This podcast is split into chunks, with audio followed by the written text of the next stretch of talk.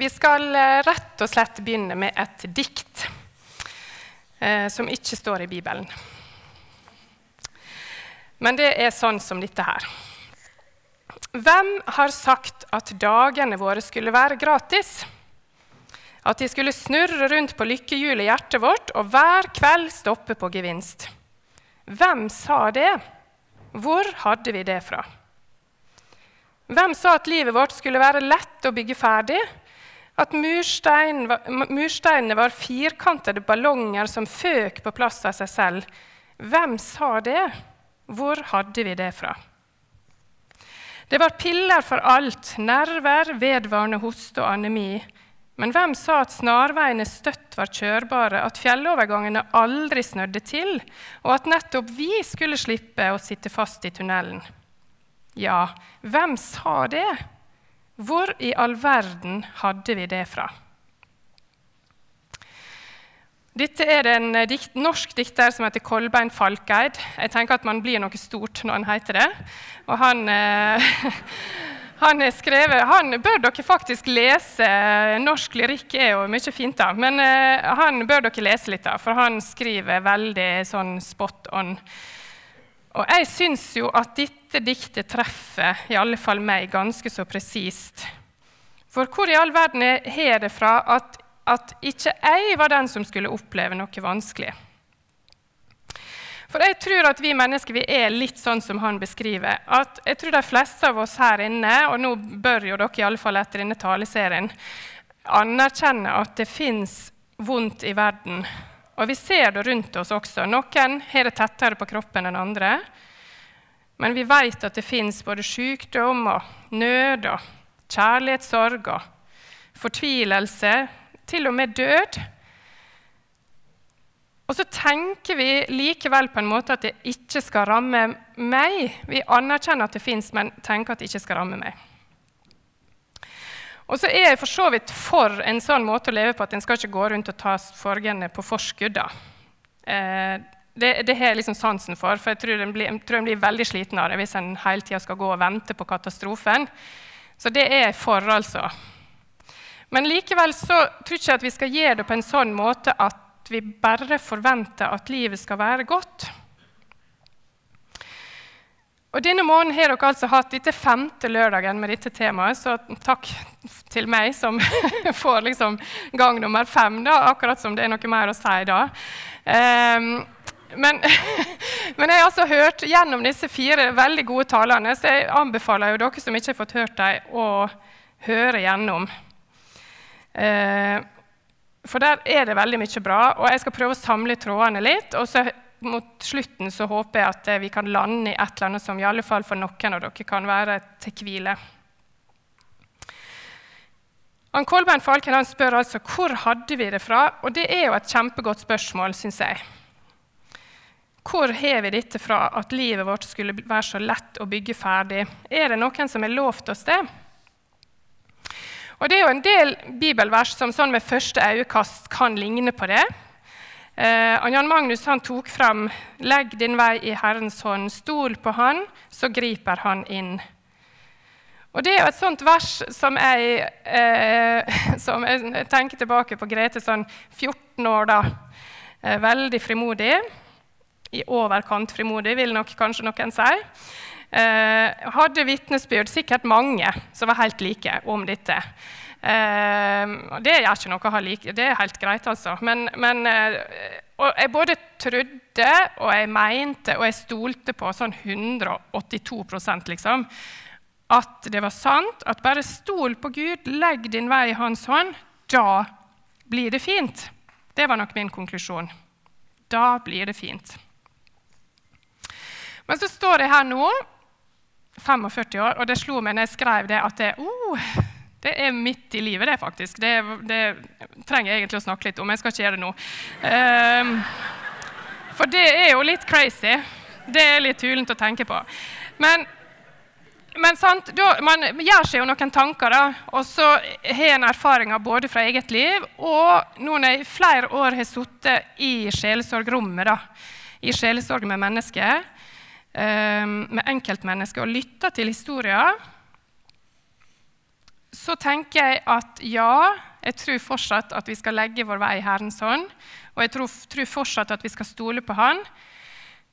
Og jeg tror fortsatt at Han griper inn, men det betyr ikke er lik alt blir fint. Og Det har gjort at jeg har måttet jobbe med mitt eget gudsbilde. Og det anbefaler jeg liksom alle som driver og blir voksne, da, sånn som dere, å gjøre. Jobbe litt med gudsbildet deres. Hva befinner seg der? Um, hvem er Gud, da, hvis det ikke er sånn at vi kan liksom cashe ut masse godt? Eller bare godt, iallfall. Hvem er Gud, da? Uh, og jeg har lyst til å si at uh, han er ikke blitt, For meg iallfall, så har ikke han blitt mindre med å ha fått jobba meg gjennom disse tinga. Han er heller blitt større fordi at han rommer livet sånn som livet er. Sånn som det faktisk er, ikke sånn som det er på Instagram. Der ser du som jeg er i marka hver dag, men jeg er ikke det. Det er bare, det er bare ljug. um, Jens Bjørneboe han sa en gang til syvende og sist er det en meget stor ting å være menneske. Det syns jeg er godt sagt. Til syvende og sist er det en meget stor ting å være menneske. Det er tøft å være menneske, og menneskelig lidelse det har eksistert i denne verden fra den dagen synda kom inn. Det var jo det som var så tragisk med alt. Det, det var veldig tragisk. Um, det som skjedde. Vi ble skilt ifra Gud, og med det så kom det sykdom og lidelse og relasjonsbrudd og død og vold og fortvilelse. Vi ser så mye fortvilelse rundt oss. Men det er viktig å vite at fordi om Gud måtte lage et skille den dagen Han jaga jo, det er jo liksom voldsomme scener. da, Vi leser om at han jaga Adam og Eva ut av Edens hage. Så det ble et brudd, et skille. Men det betydde aldri at Gud trakk seg vekk. Og Det er liksom viktig å holde fast i. Fordi at også etter syndefallet, og det er jo den tida som vi lever i, så er det fortsatt mulig å velge det gode. Det er fortsatt mulig å gjøre godt. Og det er fordi Gud er her. Det er fordi Gud er til stede i denne verden, slik at mennesker som ikke kjenner Han med, gjør utrolig mye godt mot hverandre. Vi har blitt gitt evne til å elske, til å gi omsorg, til å omfavne hverandre og hjelpe hverandre når livet gjør vondt. Og Det er fordi Gud er her til stede. Han er her til stede vi, her som vi er, men så er han til stede på Karl Johan med i dag. Blant alle mennesker som ikke kjenner han også, der er Gud til stede. Dette gode, alt det gode som skjer, det vitner om Guds nærvær i verden. Han trakk seg aldri vekk fordi om han måtte lage et skille. Så selv om eh, det vonde er her, så er også det gode. Og det er litt sånn viktig for meg å si. Og Nå skal jeg inn i en sånn parentes da, som ikke passa inn i talen. Det må jeg bare beklage. Men eh, jeg hadde så lyst til å si det, så tenkte jeg ja, ja, da tar jeg det likevel. Og så eh, skal jeg hoppe inn igjen etterpå. Men dere må følge med likevel. ok? Fordi at eh, dere er jo så fine. Her, nå ser dere så vidt, da. Men eh, dere, er, dere er veldig fine. Og så er det jo sånn at livet, det er livet. Sant? Livet er livet med kjempesvære bokstaver innimellom. Og det kan jo være helt fantastisk euforisk fint. Det fins den delen i livet med som er helt magisk fint. Men så kan det være helt forferdelig. Helt virkelig forferdelig. Og så kan det være alt dette som er midt imellom. Sant? Det kan være ganske kjedelig. Det kan jeg fortelle om. Det kan være veldig ansvarstungt. Og det kan være smertefullt. Og så er det én ting til, og det er det, det, er, det er det som er poenget nå. da. Det er at livet er også veldig uforutsigbart. Veldig uforutsigbart. Og vet du, det, jeg har lyst til å si at det må, eller må, men det jeg har lyst til å oppfordre deres generasjon da, til å øve dere på å godta. Det uforutsigbare ved livet. For fordi det er et av de livsvilkårene som vi lever under. Vi lever under at det fins vonde ting, og så lever vi under dette livsvilkåret at det er uforutsigbart. Vi vet fryktelig lite om morgendagen, sånn egentlig. Og så er det veldig mange av oss som er her inne med, som er så heldige at vi kan anta at dagen i morgen blir veldig bra. Jeg, jeg gleder meg masse til morgen. Eh, første søndag i advent. Jeg har et ørlite håp om at jeg, det må ikke dere si til Jørn, men at jeg skal greie å presse inn en skitur i morgen mellom eh, alt det andre vi skal. Men ikke si det til han, for jeg må finne ut en god måte å si det på. Men, men eh, det er liksom, altså jeg tenker og planlegger for at det skal bli en bra dag. Og det har jeg eh, på en måte lov til å, an, eller lov til å anta. Det, det, kan jeg tro, for det at erfaringa mi tilsier det. Men vi veit egentlig ikke. Jeg veit ikke hva som kan ramme meg. Og det er jo litt stress hvis en begynner å tenke for mye på det. Eh, men samtidig så er det faktisk litt deilig. Så jeg har lyst til å si til dere, slutt å prøve å kontrollere alle disse tingene som ikke dere kan kontrollere. For dere er en sånn generasjon Og det er jo sikkert vår feil. Jeg kunne jo vært mora til mange av dere. Eh, ja, det kunne jeg faktisk. Men, men eh, Og det er sikkert vår, vår foreldregenerasjon sin feil at dere er sånn. Men dette her, denne tanken om at en kan kontrollere så mange ting i livet, da, og, så, og, så, bruker dere så mye energi på det og stresser dere opp og, og bruker ekstreme mengder med krefter på nettopp det. Og da har jeg lyst til å si Pust med magen, og så tenker du ha, det er faktisk utrolig mange ting jeg ikke har kontroll over, og som jeg ikke kan kontrollere, og da skal jeg slappe av med det. Og så får dere det litt bedre. Det kan jeg nesten love dere, faktisk. Guri. Jeg skulle nesten vært blogger, men eh, det skal ikke bli. Det kan, jeg, det kan jeg i hvert fall love at det skal jeg aldri bli. Ja, Og det, det, passer litt, da, for det handler om disse livsvilkårene. Sant? Så det passer litt. Tilbake på sporet. Eh, vi har konkludert med dette at livet er fylt med både det som er godt, men også det som er vondt. Og noen og det jeg har lyst til å si at det har, Nå virker jeg kanskje litt sånn tøysete, men jeg, jeg har veldig djup respekt for at det er en del mennesker som bærer mye mer lidelse enn det på en måte eh, går an for meg å sette seg inn i. Uh, og av og til når jeg får liksom innblikk i noe av den smerten, så, så, tenker jeg hvem i all verden er jeg som kan si noe om dette? Sant? Og Det tror jeg er liksom viktig at vi møter hverandre med en sånn djup respekt på det. At vi, vi vet ikke hvordan det er å være den andre. Og jeg har lyst til å si at Dette, dette diktet som jeg har lest nå innledningsvis, eh, det er ikke for å bagatellisere det som er vondt. Det er viktig å si. Det er ikke for å bagatellisere det som er vondt. Og vi har selvfølgelig lov til både å planlegge for, legge til rette for og be om å få et godt liv. Selvfølgelig gjør vi det. Det er helt menneskelig naturlig å gjøre. Men likevel så kan det skje oss vonde ting, og mest sannsynlig så vil det ramme de aller, aller fleste av oss en eller annen gang i livet. Men skal dette at vi vet at det kan skje vonde ting, skal det bare gjøre oss helt sånn passive? Da, litt sånn skjebnetro? at da, ja, da, er liksom, da er det bare å legge inn årene og så sitte der i denne båten og, og liksom, se hvor det, hvor det ender hen. da, For det rammer oss jo uansett. Men det er ikke det jeg mener. for vi har jo med oss en Gud som vi kan be til oppi alt dette her. Eh, og vi skal søke hjelp både hos eh, mennesker som kan hjelpe oss, selvfølgelig, når det er, det er vanskelige ting som skjer. Og så har vi en Gud som har gitt oss en klagerett. Og Den bibelske klageretten den er faktisk veldig viktig at vi som er kristne holder fast i og har med oss. Eh, Jobbs bok den er, jo, eh, den er jo litt litt sånn vanskelig tilgjengelig, men jeg har lyst til å oppmuntre dere til å prøve å lese litt i den likevel. Uh, og når en jobb allerede i kapittel 3 roper egentlig til Gud og sier 'Bort med den dagen jeg ble født', den natta det ble sagt 'en gutt er unnfanga'. Den dagen lat han bli mørker, så Gud i det høye ikke spør etter han, og dagslys aldri faller på han. Det er ganske heftige ord. Han Jobb han forbanna egentlig den dagen han ble født.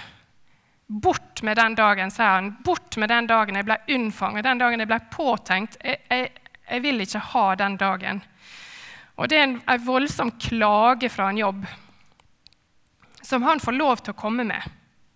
Fordi er, Gud har gitt oss klagerett. Så det er både klagen og så er det også anklage. Det er også lov å anklage Gud. Og Det gjør jo til og med Jesus i Matteus 27, vers 45 og 46. Det er når Jesus henger på korset. Fra den sjette timen ble det mørkt over hele landet, og mørket lå til den niende timen. Og kring den niende timen ropa Jesus med høy røyst, Eli, Eli, lema sabachthani. Det tyder, Min Gud, min Gud, hvorfor har du forlatt meg? Så Gud, den allmektige skaper, som, han som er større enn alt, han lar oss, Grete Yksne Martinsen på Sinsen, lov til å klage og anklage og rope til han. Så sier Gud, 'Kom med det. Kom med det.' Han er stor nok til det. Og den klageretten og anklageretten, den er lyst til å si, bruk den når du trenger den. For den er gitt oss som en gave, tror jeg faktisk. Jeg tror det er en gave fra Gud for at vi skal orke dette livet. Og Gud er aldri langt borte, for den store fortellinga i Bibelen handler jo om en Gud som er nær. Til stede, hjelpende og tjenende hos de som lider. Og ikke sånn at lidelsen blir tatt vekk. det ser vi altså Noen ganger så skjer jo det, og så mange ganger så ser vi at lidelsen vedvarer. Men han forlater ikke sine. Og Ingebjørg eh, Fauske hun tok fram i sin tale når eh, profeten Elia lå ute i ørkenen og ville, ville bare dø etter han hadde vært på oppdrag for Gud. Og så er det jo nydelig da når Gud kommer til han med omsorg i form av et nybakt brød. Da tenker jeg Gud kan til og med bake. Og hvile og drikke. Akkurat det som Elia trengte. Det er litt sånn, det er litt sånn jeg ser for meg vi sier til våre unger da, litt sånn Ja, ja, ja, men bare hvil litt først, og så kan vi snakke om det etterpå. Og så ser det litt annerledes ut når en har fått hvilt seg litt. ofte. Gud han er en gud for livet, for hele livet. Fra begynnelse til slutt. Han trekker ikke seg vekk. Ta Moses, for eksempel. Han eh, redda jo Gud allerede som baby når han lå i denne sivkorga og seilte nedover elva. Så sørga Gud for at han ble redda fra faraos hånd. Og så følger Gud Moses gjennom et helt liv. Og helt på slutten av livet så syns jeg faktisk det er noe veldig vakkert over når, han, eh, når Moses dør. For han, han, fikk jo ikke komme inn i det lova landet. Det, jeg, det, tenker jeg sånn, det er en ting jeg ville diskutert litt med Gud. Men Moses han, han gjorde ei synd som gjorde at Gud sa til ham Synda ble tilgitt, men den fikk den konsekvensen at Moses fikk ikke komme inn i det lova land. Og når tida kommer at folket skal inn der, og han Moses ikke kan være med, så blir han Moses ført opp på et fjell der han får lov å kikke inn i landet som de andre skal få gå inn i. Og så dør Moses. Og så står det sånn i 5. Mosebok. Så døde Moses, Herrens tjener, der i Moab-landet, slik som Herren hadde sagt. Han gravla han nede i dalen i Moab, midt for Bet Peor. Men til, men til denne dag har ingen visst hvor grava hans er. Moses var 120 år gammel da han døde, men øynene hans var ikke matte, livskrafta var ikke borte. Israelittene gret over Moses på sletten i Moab i 30 dager, helt til sørgehøgtida var slutt. Så Moses han dør, og så er det Gud sjøl som begraver han. Og Jeg kjenner at jeg blir helt rørt av det, og det er kanskje rart å bli. Men for meg handler det om en Gud som kommer så nær at han til og med blir støvete på hendene når han begraver Moses. Det syns jeg er sterkt. Ingen veit hvor den grava skulle være, men Gud visste det, og han tok seg av den biten. Sånn er Gud. Eller Jesus, da, som velger å bli menneske. Og det er så radikalt, det som skjer. At Gud sjøl stiger ned til denne tåredimmedal, det sang vi en, eh, det er sikkert oversatt på en annen måte nå, men eh, vi eh, gikk og traska rundt juletreet på Sjøholt, og det tok sin tid, skal jeg bare si, for vi skulle synge de aller fleste sangene. Men da sang vi også den, og så sang vi Der deg deg ikke anna gav enn stall og krybbe, kors og grav. Og så seig det liksom litt innover meg, eh, selv om ikke jeg var så gammel, at oi, Jesus ville komme fra himmelen, der så det var bare fint. Selv om det var et menneskeliv som venta han. Et menneskeliv. Han har prøvd å være menneske. Han ikledde seg kjøtt.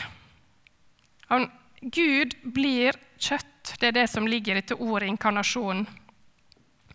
Og så kan vi tenke videre ikke bare kjøtt, men Gud ble liksom svette og snørr. Og neglerotbetennelse, tenkte jeg. Det var kanskje litt rart å ta det.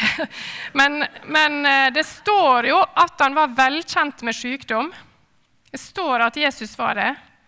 Velkjent med sykdom, står det. Lungebetennelse kanskje han hadde. Gud har vært kropp, menneskekropp. Sånn helt fysisk og helt psykisk. Han hadde ei syke også, og han kjente på djupt mørke. Det forteller Det nye testamentet oss når vi leser om eh, Jesus i fortellingene der. Han kjente på sorg, han kjente på indre smerte, han kjente på frykt, og han kjente på dette mørket som kan komme. Og det er en sannhet som er godt å vite når vi må rope 'Men, Herre'. For da er det veldig adekvat å rope nettopp til Han som er prøvd å være menneske. Og Da må vi ha med et vers fra Hebreabrevet som, som sier noe viktig om dette. Hebreerne 4. For vi har ikke en øverste prest som ikke kan lide med oss i vår svakhet, men en som er prøvd i alt på samme måte som vi, men uten synd. Og så står det videre at vi derfor skal få tre frimodig fram. Derfor kan vi komme frimodig fram. For når, vi, når jeg kommer med alt mitt menneskelige, så er ikke det fremmed for Gud. Det er ikke sånn at jeg må drive og forklare for han, ja, for du skjønner jo at For det vet han, for han er ikledd seg kjøtt. Han er blitt kropp. Han er blitt menneske.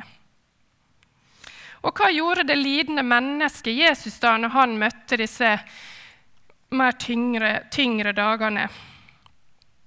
Jau, eh, han søkte Gud. Det står det mange plasser at Jesus han søkte avsides, søkte eh, tid til bønn og fellesskap med Gud. Men så søkte han også andre mennesker.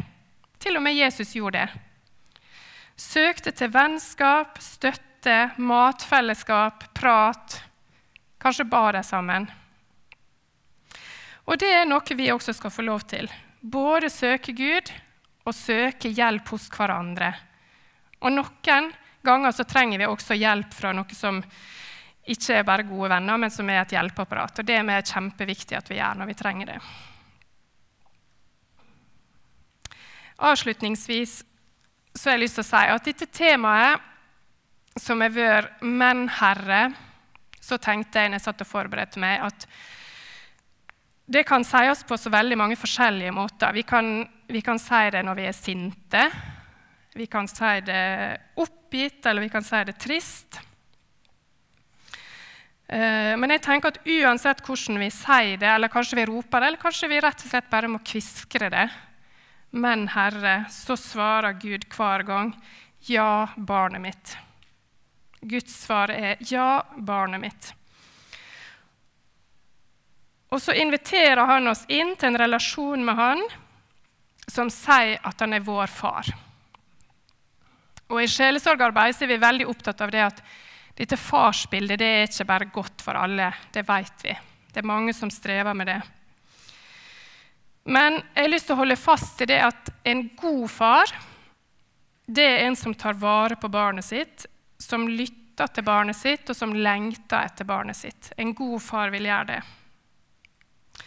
Og Dette er et tema som jeg vet at jeg har sagt mange ganger før i taler, så dere som har hørt meg flere ganger, blir sikkert litt sånn Ja, nå kommer dette igjen.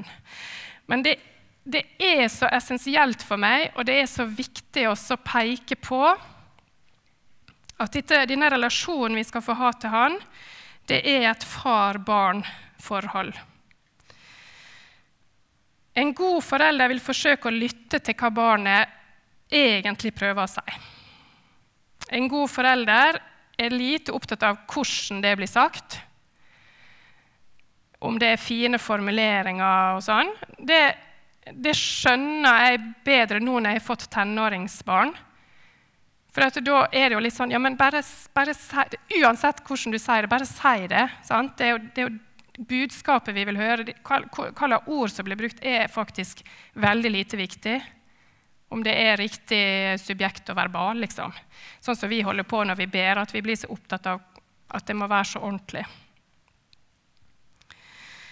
Men en god forelder er bare glad for at barnet kommer med det som ligger på hjertet. Og så er ikke Gud bare en god far, men en fullkomment god far. Uh, og jeg er helt trygg på at det at han er en fullkomment eh, god far, det betyr noen av disse punktene her. Og jeg kunne sikkert tatt mange flere med. Men det betyr at han tåler og han orker smerten din. Det må du holde fast i. Han både tåler den, og han orker smerten din. Og så lengter han etter å høre om den. Ikke fordi han ikke vet det, for han vet om det. Men jeg skal love deg at det er godt for en forelder å få høre når barnet setter ord på det sjøl, fordi vi vet at det er godt for barnet å få lov å si det sånn som det er. Så Derfor så lengter han etter at du skal sette ord på det. Og så er han en fullkomment god far som har tid til å vente til du er klar til å snakke, men som likevel gir deg omsorg fordi han veit hva som foregår. Så han, han gir deg omsorg sjøl om ikke du enda har sagt det. Litt sånn som når jeg kommer hjem til mine foreldre på Sjøholt. Og så legger jeg meg på sofaen, og så kjenner jeg at jeg begynner å bli litt kald, men så orker jeg ikke å røyse meg. Og så tenker jeg at mamma på 75 skal nå i hvert fall slippe å røyse seg. Og så røyser hun seg og går og henter et teppe, og så legger hun det over meg fordi hun ser at jeg trenger det, uten at jeg har sagt det. Og så tenker jeg at eh, sånn er Gud. Han har tid til å vente, og så gir han deg omsorg underveis. Og så tror jeg på en Gud og far som er utrolig kreativ i å prøve å finne måter å vise at han er glad i deg. Og Noen ganger så, gjennom, så vi, får vi jo masse ut av det å lese i Bibelen, f.eks. Og så kan det komme faser der det er litt vanskeligere. Og da har jeg lyst til å si at se etter Gud i andre mennesker som gjør det godt. Så kanskje det er Gud som i sin kreativitet prøver å nå deg. Eller i naturen. For min del er det en utrolig god plass å være. Og Jeg snakka med ei dame som fortalte at hun hadde opplevd flere ganger at når hun trengte det som mest, så kom det en sommerfugl og satte seg helt i nærheten av henne. Og for henne var det blitt et sånt bilde på at det var Gud som sa ja da, men jeg er her. Så kan vi tenke ja, men hvordan kan hun vite det? Ja, men Så fint at hun blir minnet på Gud da, når hun ser den sommerfuglen. Han er kreativ. Og så Det siste punktet er kjempeviktig. Vi kan få lov å gi han ansvaret. En fullkommen far som er rede til å ta ansvaret. Gi han ansvaret for det du ikke forstår, det som ligger over deg, og som du ikke forstår verken hvordan du skal komme deg ut av eller gjennom. Gi han ansvaret og han er rede til å ta det. Klagesangene 2.19a så står det Stå opp, rop høyt om natten, rop ved hver nattevakt. Øs ut ditt hjerte som vann for Herrens ansikt. Øs ut ditt hjerte. Og Helt til slutt så har jeg bare lyst til å ha opp en setning som eh, en, som, en salmedikter som heter Svein Ellingsen, har sagt. Eh, og han sier i en salme Under alle dyp er du. Og det er godt sagt. Eh, og det er en sånn setning som jeg må gå og liksom tygge litt på. Hva betyr dette?